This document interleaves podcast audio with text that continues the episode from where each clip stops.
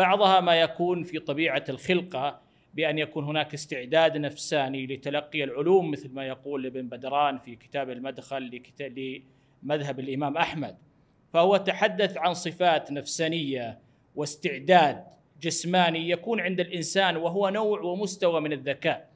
ونظرية الالتزام هي قاعدة القانون المدني ككل.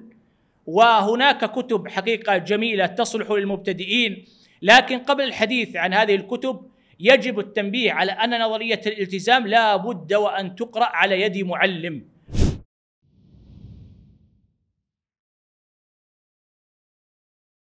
التميز وطريقة تحقيقه. هاجس يرافق الكثير منا دون معرفة الوصول إليه.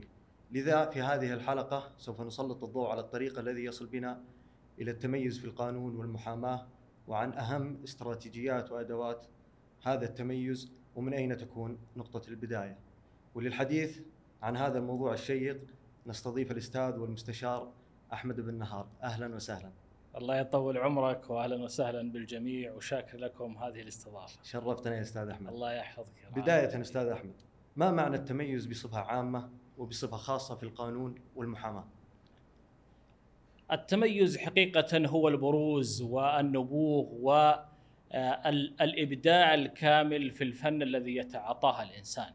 فالإنسان متى ما كان متميزا كان بارزا مبرزا ظاهرا مبينا متعمقا في هذا الفن فهذا دائما ما يدعى بالمتميز أي أنه الذي أتقن هذه الجزئيات وبرز وفاق الأقران في هذه الجزئيات التي يتعاطاها. جميل أستاذ حسن.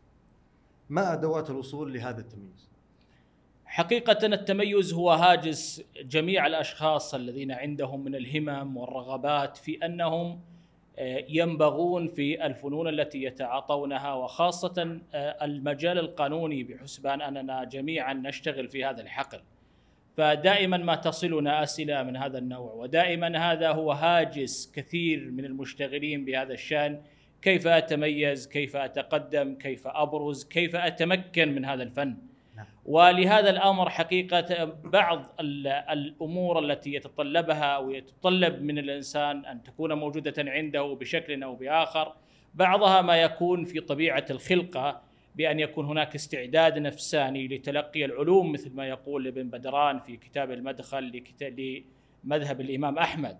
فهو تحدث عن صفات نفسانية واستعداد جسماني يكون عند الإنسان وهو نوع ومستوى من الذكاء. وفي ظني أن هذا يوجد عند كثير من الناس. الإنسان المتوسط عنده قدرة واستعداد نفساني على أنه يتلقى العلوم بشكل أو بآخر. هذا الجزء لا دخل للإنسان فيه لا علاقة له ولا يد له في أنه يستحضره أو ينميه أو نحو ذلك لأنه هذا مغروز في الطبيعة في الخلقة الإنسانية. هناك شيء آخر مما يتطلب من الإنسان أن يعمله وهو القادر والداخل في إرادته الشخصية مثل تنمية العلوم والتقدم في الفن ومراجعة كتبه والإحاطة بمسائله وغير ذلك من الأمور التي سيأتي الحديث عنها بإذن الله تعالى. جميل. ما العوائق التي تواجه الساعي للتميز وطرق التغلب عليها؟ آه، طبعا هذا السؤال وجيه جدا وأنا أشكرك عليه لأن له أهمية كبيرة، الناس اليوم آه، ربما يشتكون من العائق الأكبر وهو عدم معرفية عدم معرفة المنهجية التي يسلكونها والطريق الذي يسيرون عليه من أجل الوصول لهذا التميز. فعدم معرفة الطريق وعدم آه، الإلمام بالطريقة الصحيحة لتلقي العلم بشكل أو بآخر هو الذي يعيق دائما الوصول للعلم. وابن القيم تحدث طويلا في عوائق طلب العلم الشرعي وقال أن الجهل بالطريق هو أعظم العوائق التي تمنع الكثير اليوم من النابهين والمتقدمين والمتميزين من الوصول إلى الغاية العظمى رغم وجود كثير من المقومات التي توجد عند هؤلاء الأشخاص من أجل أن ينبغوا ويبرزوا ويفوقوا الأقران في مجالهم. ما أهم المراجع القانونية والشرعية المنمية للقانون ومنهجية الاستفادة منه؟ أحسنت أنا اسمح لي بداية أن أتحدث عن المنهجية عموما قبل تسمية الكتب. نعم جميل. لا شك أن المنهجية تحدث العلماء الأوائل في الشريعة الإسلامية عن طرائق طلب العلم وكيف تلقي العلم وصنفت في مصنفات كبيرة جدا. ومن أهمها مفتاح دار السعادة لابن القيم وغيره من جماعة وحتى في الصدر الأول من علماء المسلمين الذين تحدثوا عن طرائق اكتساب العلم وكيف يحصل هذا العلم والسبيل إليه. فتحدثوا عن طرائق وأمور وإجراءات يتخذها الإنسان من أجل أن يتلقى العلم بطريقة صحيحة ومن أجل أن يكون عالما بإذن الله تعالى.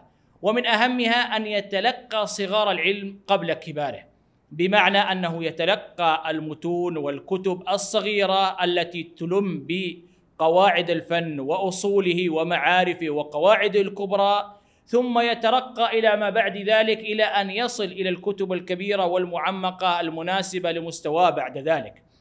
وهذا الأمر اليوم مهجور وهو سبب غياب كثير من التميز عند كثير من الأشخاص بحيث أنهم لا يأتون الدرج من أوله بحيث أن يترقى الإنسان لأن النفس الإنسانية حقيقة هي مكونة من الله عز وجل على أنها تترقى على نحو معين ولذلك تحدث عن بعض العلماء أنهم قالوا أن من طرائق العلم أو من العلماء الربانيين كما يقول الشاطبي أنهم يعلمون الناس صغار العلم قبل كباره وهذا أمر غاية في الأهمية. فمن أراد التميز في المجال القانوني وفي غيره من العلوم عليه أن يتلقى العلم وفق المبادئ والأصول لهذا الفن. بحيث أنه يأخذ مداخل هذه العلوم ومبادئها بالكتب الصغيرة يتقن هذه الكتب ويتلقاها على نحو جيد على يد معلم متميز ثم بعد ذلك يترقى إلى الكتب المصنفة إلى متوسطي طلبة العلم ثم ينتهي بالكتب الكبيرة. الإشكال اليوم أن كثيرا من الناس يذهب إلى الكتب الكثيرة أو الكبيرة بتوصيات من أناس بعضهم غير متخصص ثم يأخذ بقراءة هذه الكتب والاطلاع عليها ثم ينتهي به الأمر إلى أنه لم يفهم شيئا ولم ينهي هذه الكتب وأصبحت في ذهنه المعلومات مشوشة غير متراكبة والصورة فيها قلق واضطراب في ذهنه وفي معرفته. وهذا الأمر حقيقة ساهمت في تعميقه وسائل التواصل الاجتماعي. فمما رأيت أنا شخصيا في تويتر تحديدا أن هناك منشورات تسمي مجموعة من الكتب التراثية الكبيرة كالمغني وكشاف القناع والموسوعة الفقهية الكويتية وغير ذلك من الكتب الكبيرة التي تقع في المجلدات الضخام وتحتوي على آلاف الأوراق والاف المسائل أو مئات الألوف من المسائل. ثم يقال أن هذه الكتب التي يجب أن يعتمدها القانوني. وهذه الكتب حقيقة أو هذه التوصية من أكبر الخطأ ومن أعمق الجهل بطرائق التعليم. ذلك أن هذه الكتب حقيقة لا تصلح لكل الناس لأسباب منها أن هذه الكتب كتبت في مرحلة سابقة بلغة سامية شريفة أصبحت اليوم وفق اصطلاحاتنا الشخصية لغة غريبة وحشية. فهي تحتاج لطالب قد تلقى العلم من مبادئه وعرف اصطلاحات العلماء ومآخذهم وأقوالهم ومرادهم بهذه الجمل وعرف معاني هذه الكلمات. ثم بعد ذلك ترقى العلم تلقيا وفق المنهجيه الصحيحة حتى وصل إليها. أما مسألة أن يدل الطالب ابتداء على الموسوعة الفقهية الكويتية وهي تقع في أكثر من أربعين مجلدا نعم. فإن هذا لا شك أن من أكبر الخطأ وأبين الخلل في طريقة التعليم فمن أراد أن يتعلم تعليما صحيحا فليأخذ مبادئ العلوم والكتب الصغيرة في الفن التي تمثل تلك المصطلحات والقواعد الكبرى والمفاهيم المهمة ثم يترقى بعد ذلك إلى الأكبر حتى ينتهي بهذه الكتب الكبيرة. أما مسألة أنه يدلف مباشرة إلى هذه الكتب المعمقة التي ألفت للعلماء والمنتهين والمتخصصين وكبار طلبة العلم فإن هذا فيه خللا بينا وواضحا في هذه المنهجية. وإن أردت أن نتعرض لأهم الكتب في نعم، جميع الفنون القانونية المشهورة اليوم على الأقل فبطبيعة الحال أول ما يبدأ الحديث فيه عن القانون المدني. وعلماء مصر آه، يطلق بعضهم على القانون المدني أنه الشريعة الموضوعية العامة للقانون بحسبان أن كثيرا من القوانين تفتقر إليه ويتم الرجوع إليه حتى في تخصصات أخرى كالجناء وغير ذلك. فهو يشكل القاعدة الأولية لجميع القوانين التي ترجع إليه بشكل أو بآخر وبطريقة أو بأخرى. فالقانون المدني من أهم ما يبدأ به حقيقة كتب المداخل كتب المداخل إلى القانون التي آه، تحتوي على نظرية الحق. فهذه الكتب حقيقة مهمة جدا لأنها تلم مبادئ هذا العلم وأساسياته ومواطنه ومعالمه الكبيرة جدا. فتجمعها في كتاب واحد ثم تجعل الطالب بعد أن يلم بها يستطيع أن يترقى ويقرأ ما ورائها. ومن أهم الكتب حقيقة في هذا الشأن للمبتدئين المدخل لدراسة الأنظمة السعودية للعلامة الكبير محمد جبر الألفي. وهذا كتاب جميل وأيضا صغير والمعلومة فيه بسيطة كتبت بلغة سهلة بسيطة وهو عظيم الفائدة ويصلح للمبتدئ. يصلح للمبتدئ. بعد ذلك من أراد أن يترقى أيضا في كتب المداخل فيذهب لكتاب المدخل للعلوم القانونية للعلامة الكبير سليمان مرقص. وفي ظني أن هذا الكتاب من أعظم ما كتب في هذا الباب تحديدا. لجلالة قدر مؤلفه بداية فهو عالم كبير نظار نقاد ولكم المعلومات التي أوردت في هذا الفن ولكونه من العلماء المحققين. فهو ينقد التوجهات ويحرر المصطلحات ويبين المفاهيم فالكتاب هذا من الأهمية بمكان. ولكن يجدر بنا التنبيه إلى أن هذا الكتاب لا يصلح إلا للمتقدمين من طلبة العلم. فلا يذهب اليه الطالب مباشرة ويقرأ فيه بل يقرأ في كتاب المدخل لدراسة الأنظمة السعودية فهو كتاب جميل ومبسط وينفع جدا للمبتدئين. بعد ذلك في القانون المدني لابد من الحديث عن النظرية الكبرى وهي نظرية الالتزام. ونظرية الالتزام هي قاعدة القانون المدني ككل وهناك كتب حقيقة جميلة تصلح للمبتدئين. لكن قبل الحديث عن هذه الكتب يجب التنبيه على أن نظرية الالتزام لا بد وأن تقرأ على يد معلم وذلك لأسباب. اولا للخلاف الكبير الواقع في تعريفها رغم أهميتها. ثانيا أن المصطلحات متغيرة وهناك إشكاليات في الترجمة اشتكى منها علماء كبار كنديم الجسر والسنهوري وغير ذلك. أما إن أراد أن يدقق في نظرية الالتزام وخاصة للمبتدئ فليأخذ كتب محمد جبر الألفي أيضا وهي نظرية الالتزام في جزئيها وقد ألفها لطلاب المعهد العالي للقضاء وهي حقيقة في أجزاء لطيفة وبسيطة فلعل الطالب أن يبدأ بها خاصة المبتدئ ويقرأها على يد معلم وعندئذ ستستبين له هذه النظرية. إذا أتقن هذه النظرية فعليها التوجه بعد ذلك بعد إتقانها للكتب الأعلى درجة والأكبر مثل مصادر الالتزام لعبد الحي حجازي العلامة الكبير أو مصادر الالتزام في القانون الكويتي. هذا الكتاب كتاب عظيم جدا في مجلدين وهو هذا عبد الحي حجازي هو شيخ محمد جبر الألفي.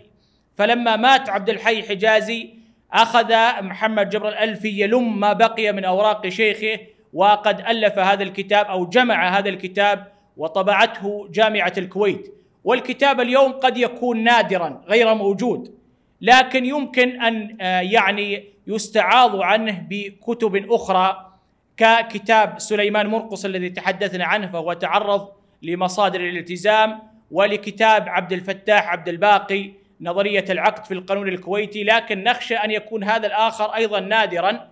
لكن هناك أيضا في المدرسة العراقية كتب تحدثت عن مصادر الالتزام وفي ظني أن الكتب التي تحدثت عن مصادر الالتزام كتب كثيرة جدا وهذه الكتب التي نتحدث عنها هي تتحدث عن الخلاف العالي والقوانين المقارنة وليست مخصصة للطلاب فأول ما يبدأ الطالب يجب الا يتجاوز كتاب محمد جبر الألفي بحيث أنه يأخذ النظرية الأولى ويستطيع أن يتفهم هذه النظرية ومآخذها وما يراد بها ونحو ذلك. بعد أن ينتهي من نظرية الالتزام سيتم كامل القانون دراسة القانون المدني وهناك مؤلفات حقيقة في شرح القانون المدني وهناك تعليقات عليه من قبل علماء كبار. ولبهاء الدين العلايلي الأستاذ المشهور الذي كان استاذا في جامعة الملك سعود مؤلفات جميلة في نظرية العقد. ونظرية العقد من الأهمية بمكان خاصة في القانون المدني فعنده مقارنة بين القوانين الوضعية والشريعة الإسلامية. وبعد ذلك هناك مؤلفات هناك أيضا مؤلفات جميلة لأحد العلماء ومن الأساتذة الذين كانوا وما زالوا في جامعة القصيم مصطفى السعيد الزقرد وقد طبعته مكتبة الرشد. كتاب جميل جدا في مصادر الالتزام وفي غير ذلك. فليحرص الطالب على الدراسة الصحيحة والمنهجية الصحيحة كل هذه الكتب ممتازة لكنها مخصصة للمتوسط والمنتهي نعم. أما المبتدئ فعليه بداية في الكتب التي سميناها للعلامة محمد جبر الألفي هذا نعم. فيما يتعلق في القانون المدني, المدني. نعم. نعم. الآن ننتقل إلى الجانب الجنائي نعم. في يبدأ؟ نعم في الجانب الجنائي بطبيعة الحال الجانب الجنائي آه، من أكبر فروع القانون وله أهمية كبيرة جدا وهو مثل ما تعلم آه، وفق التقسيم القانوني ينقسم إلى قانون الأول قانون العقوبات العام وقانون العقوبات الخاص والجرائم المضرة بالمصلحة العامة. والقانون الجنائي حقيقة له مداخل أيضا وله كتب تبدأ في تبيينه وتوضيحه. فمن أهم الكتب حقيقة كتب نور الدين هنداوي التي تحدث عن فيها عن علم العقاب و علم الإجرام وأيضا هناك كتب ألفت في المملكة وفي غير المملكة عن آه، شرح قانون العقوبات العام. فكل كتاب يتحدث عن القانون العقوبات العام هو يحتوي على المبادئ والأساسيات العامة لهذا القانون. وهناك كتب كثيرة جدا فكتب محمود نجيب حسني في قانون العقوبات العامه المصري واللبناني وأحمد فتحي سرور كذلك. كل هذه الكتب تحدثت عن قانون العقوبات العام فهذه الكتب لاشتهارها حقيقة وأنها لم تشتهر إلا لجودتها. أما أنها مصنفة للمبتدئين فإن هذا ربما يقع في النفس من حرج. نعم. لكن لا لا إشكال في أن يبدأ الطالب بها لعدم وجود كتب مناسبة لهذا. طبعا هناك كتب مدرسية في القانون الجنائي عموما آه، آه، مقررة على كثير من الطلاب في مذكرات أو في نحو ذلك فإن بدأ فيها بها أولى. وبعد ذلك ينتقل للكتب التي سميناها وأيضا يقرأ في آه، قانون العقوبات مثلا المعلق عليه بأحكام محكمة النقد لأن حقيقة المحاكم الكبرى هي تفسر القانون وتنقله من اللفظ إلى الواقع العملي. فربما استغلق عليك لفظ أو جملة أو تطبيق فتجدها في في هذا الكتاب. وهناك كتب جميلة جدا قانون العقوبات في ضوء أحكام محكمة النقض لمصطفى هرجة. هذا كتاب جميل جدا وكذلك في الإجراءات الجنائية علق عليها بأحكام محكمة النقض. وأنور طلبة أيضا عنده كتاب في هذا الشأن كتاب نفيس جدا.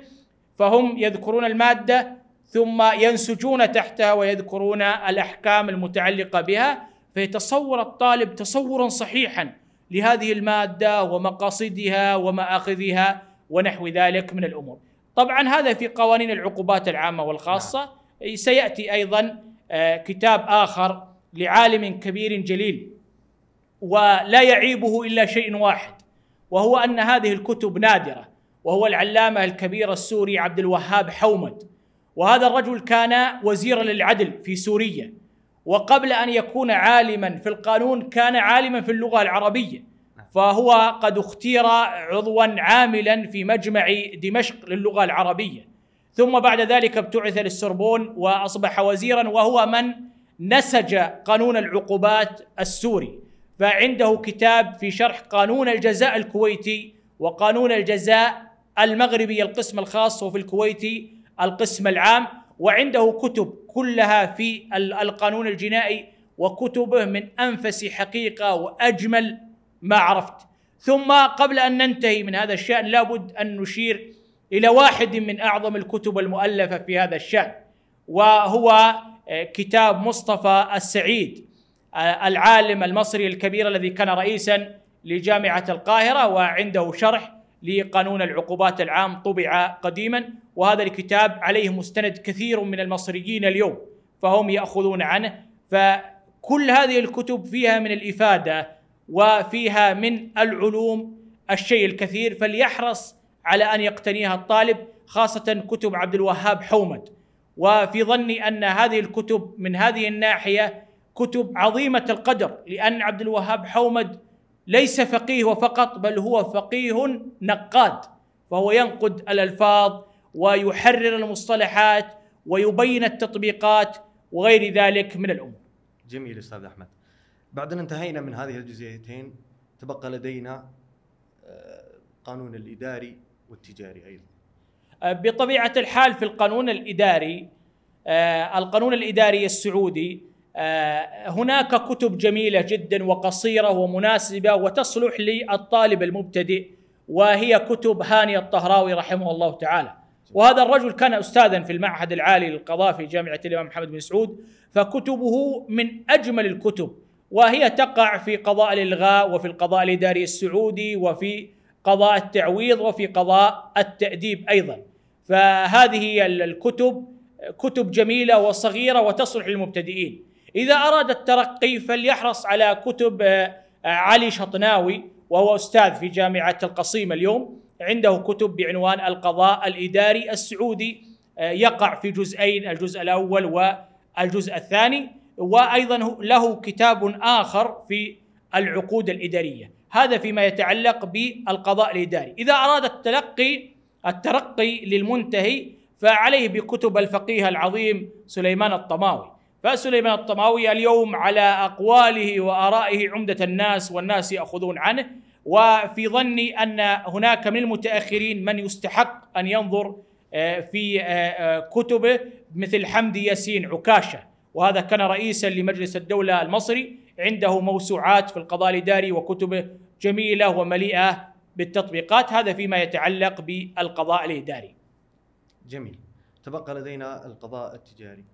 بالنسبة للقضاء التجاري طبعا الكتب فيه كثيرة جدا وهناك يعني من العلماء الكبار من كتب فيه لكن ما يجب التنبيه على جزئية القضاء التجاري في أنه حقيقة لا توجد كتب تصلح للابتداء نعم. وهذه الإشكالية الكبرى في أن أحيانا لا يجد الإنسان بدا من أنه يذهب للكتب الكبيرة. لكن في القضاء التجاري قبل الدخول في كتبه وما يتعلق به خاصة وأنه يتفرع الأوراق التجارية والشركات وغير ذلك من الفروع التي تندرج تحته أن يحرص على الكتب الجامعية.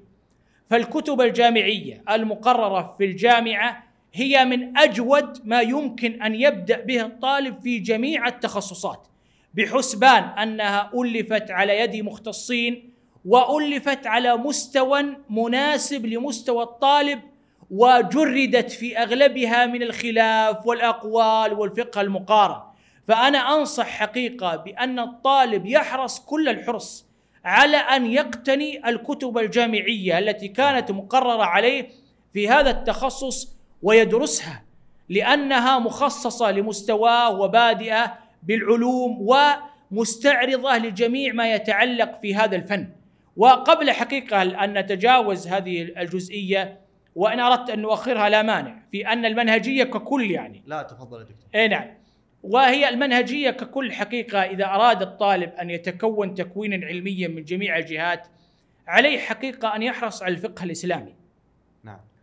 والفقه الإسلامي له أهمية عظمى والقوانين اليوم تأخذ عنه فإنما هو أصل لهذه القوانين ككل.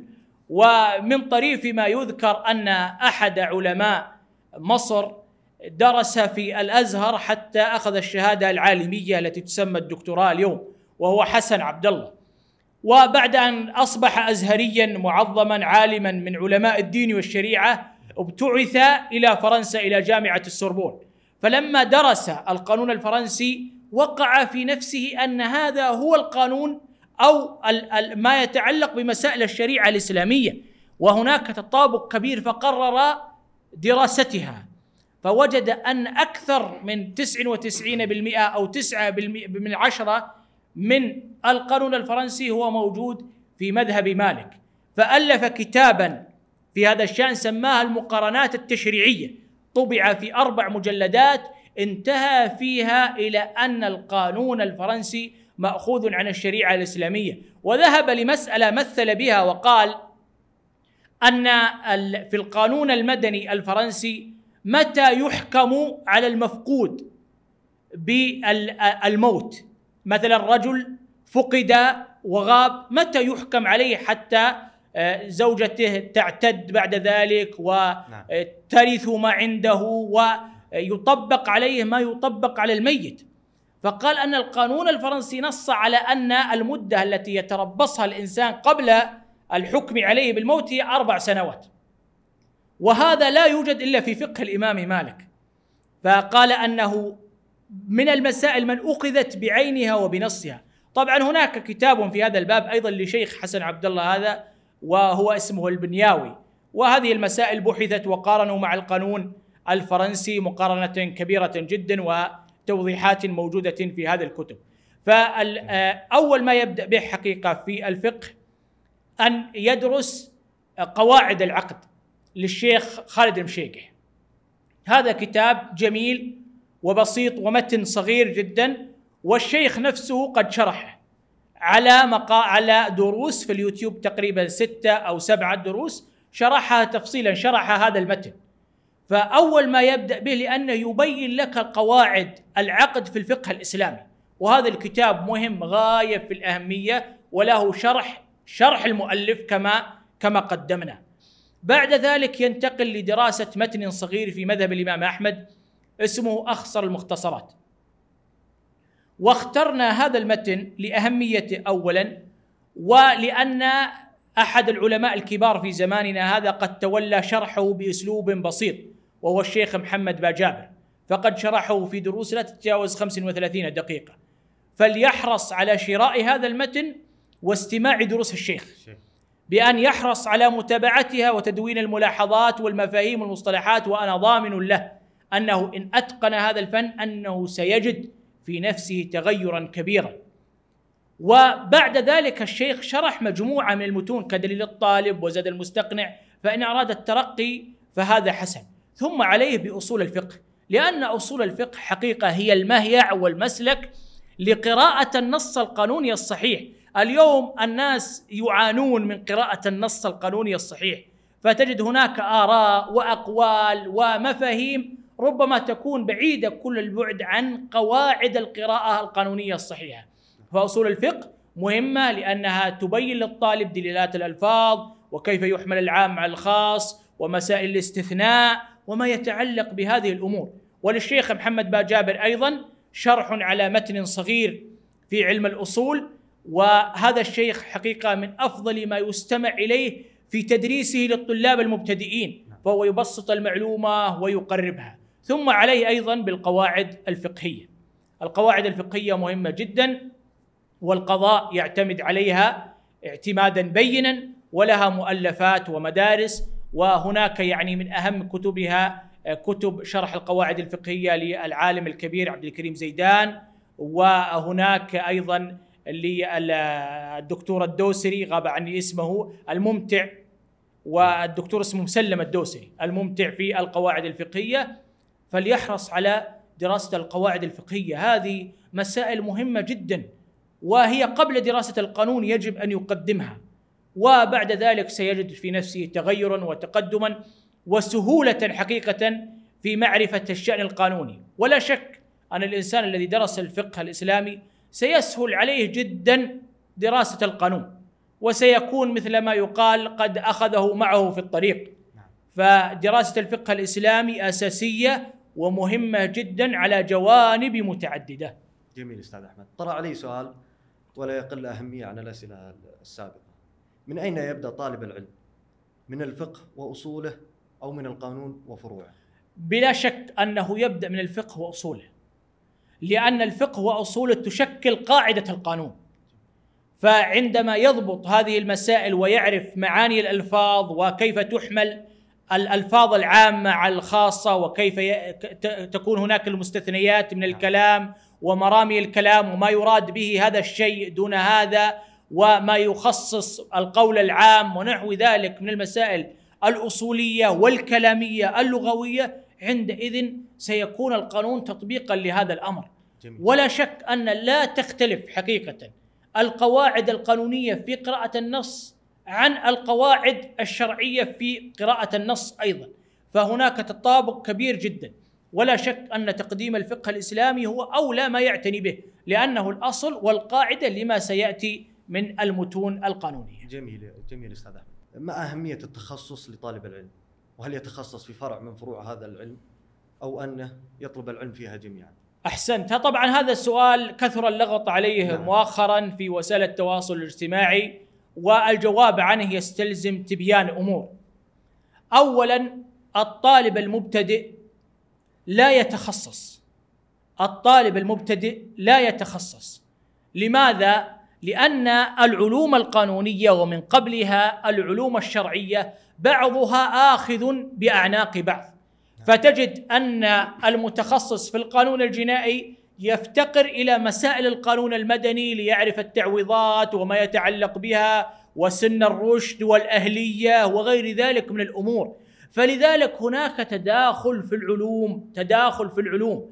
فلا يليق مثلا بالمتخصص في القانون أنه لا يملك معلومات عن بعض فروع القانون المشهورة إلا ما يملكه غير المتخصص من عوام الناس جميل. ولذلك العلامة أحمد فتحي سرور وهو من اكابر علماء مصر اليوم يقول يجب أن يكون المحامي كشكولا نعم.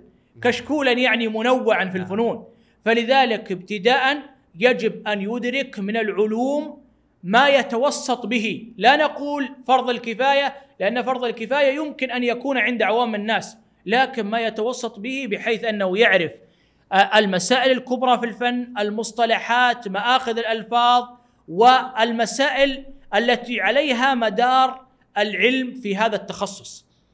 بعد ذلك بعد أن يصل لهذه المرحلة بأن يكون قد توسط مثلا في في نظام الأحوال الشخصية في المدني في الجنائي في التجاري التي هي العلوم الكبرى التي تشكل قواعد نعم. له بعد ذلك أن يتخصص. ولا مانع من التخصص لكن بعد أن تبني قاعدة أولية عندك أما مسألة أنه يذهب إلى التخصص فيكون في الفروع الأخرى حكمه حكم العامي نعم. الذي لم يدرس شيئا من هذه الفنون فإن هذا أمر لا يليق مطلقا بل يجب عليه أن يدرك ما يتوسط به في الفن ثم بعد ذلك ينتقي له تخصصا يبدع فيه ويبذل فيها الجهد ويفرغ فيها الطاقة. وبعض العلوم والفروع حقيقة لا يمكن أن نقول له تخصص فيها لأهميتها وكثرة دورانها. يعني فلا نقول مثلا تخصص في الجنائي أو في الأحوال الشخصية ثم لا تعرف من القانون المدني شيء أو لا تتوسط فيه. لابد أن يتقن هذه الفنون أو على الأقل يتوسط فيها لمرحلة ما فوق المتوسط ثم بعد ذلك ثم بعد ذلك يتخصص. وفي ظني جميل. أن القوانين أو الأنظمة الإجرائية لا تقل أهمية عن غيرها من الموضوعية لأهمية هذه الإجراءات ولترتب سقوط الحق عليها في المدود ومعرفة طرق التقاضي وغير ذلك. وهناك كتب مهمة جدا حقيقة. في مثلا نظام المرافعات الشرعية هناك كتاب الشيخ عبد الله بن خنين الكاشف وهو كتاب تأصيلي. ومن قبله كتاب جميل اسمه المدخل لنظام المرافعات. كتاب صغير جميل فيه نبذة تعريفية عن المرافعات. ثم بعد ذلك الكاشف وهناك كتاب جميل جدا ورائع وأنا أنصح به للقاضي آه، نبيل الجبرين آه، اسمه التوضيحات المرعية. وهذا كتاب يقع في ثلاث مجلدات كتاب مهم جدا. هذا بالنسبة للمبتدئين. إذا أراد أن يتوسط ويترقى فليذهب إلى كتاب شيخنا العلامة الكبير عزمي عبد الفتاح عطية وله كتاب اسمه الوسيط في القضاء المدني الكويتي مقرر من قديم على طلاب كلية الحقوق في آه، جامعة الكويت. وهذا الكتاب يقع في مجلدين وفق الطبعة الأخيرة آه، في العام 2017 وهو كتاب فيه فقه مقارن يقارن مع القانون الفرنسي والمصري وينقد وهو مهم للطالب المنتهي المترقي فوق المتوسط. فيحرص الطالب الذي تجاوز هذه المرحلة على انه يقرأ هذا الكتاب. وهناك أيضا كتاب في المرافعات لا يمكن ابدا التغاضي عنه وهو الوسيط أيضا في القضاء المدني للعلامة المعاصر فتحي والي. فهذا كتاب مهم جدا. من أراد أن يذهب إلى الكتب المؤلفة على طريقة المتون فهناك شرح قانون المرافعات للعلامة أحمد مليجي. طبعا لعزمي عبد الفتاح هذا ولفتحي والي كتب في التحكيم. إن أردت أن أتعرض لكتب نعم. التحكيم خاصة وأن لها يعني رواجا في هذه الفترة.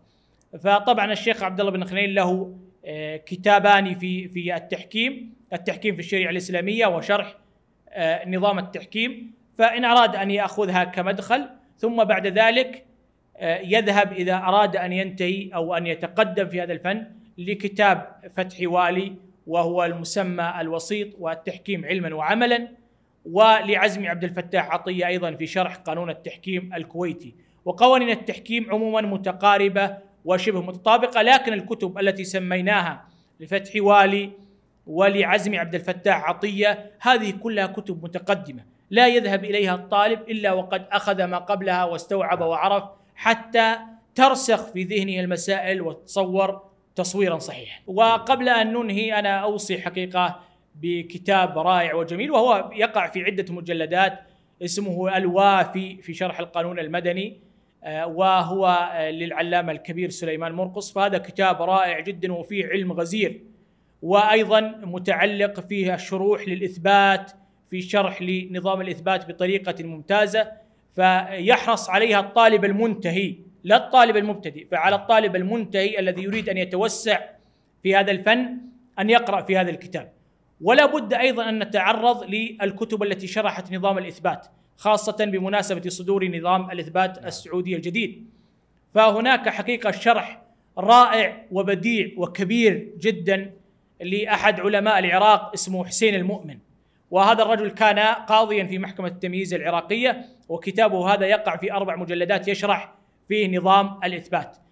طبعا هذا الكتاب للمنتهين أيضا المتقدمين، هناك كتاب جميل في نظام الإثبات اسمه المرشد لقانون الإثبات للقاضي يحيى إسماعيل عمر.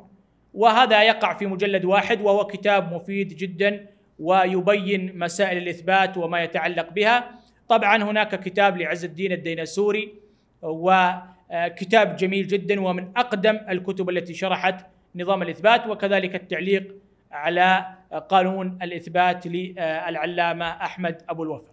هذا ما يتعلق في قانون الإثبات وقانون الإثبات مهم جدا حقيقه ويحرص عليه الطالب حرصا كبيرا، هناك أيضا نظام أو شرح الإثبات في الشريعة الإسلامية والإثبات في الشريعة الإسلامية لمحمد الزحيلي وهناك أيضا كتاب بديع لأحمد نشأت. إبراهيم بك هذا كتاب ممتاز جدا ويتناول الإثبات في الشريعة الإسلامية، أيضا السنهوري في الوسيط شرح الإثبات وطبعا السنهوري غني عن الكلام وعن التعريف فكتابه جميل جدا لكنه لا يصلح إلا للمنتهين من طلبة العلم. وطبعا هناك شروحات لنظام الإثبات على اليوتيوب ويعني الاطلاع أو الاستماع أو متابعة القنوات التي تشرح القانون على اليوتيوب هي من أهم ما يمكن أن يقوم به الطالب حقيقة ولها فائدة عظمى خاصة عن الذي يجد صعوبة في المصطلحات أو لا يجد رغبة كبيرة في القراءة فعليه بهذه الدروس التي نشرت من جامعات مصرية ونشرت من جامعات كثيرة وجامعة الملك خالد أيضا نشروا مجموعة من كتبهم خاصة وأن يعني أزمة كورونا وقت الوباء يعني توقفت الدراسة فنشرت كثير من جامعات الدول العربية دروسا لأساتذتها الكبار في شرح القانون. فما على الطالب إلا أن يدير محرك البحث وتظهر له يعني آلاف النتائج التي تأتي بالكتب على يد أساتذة كبار مقدمين في الفن. جميل أستاذ أحمد.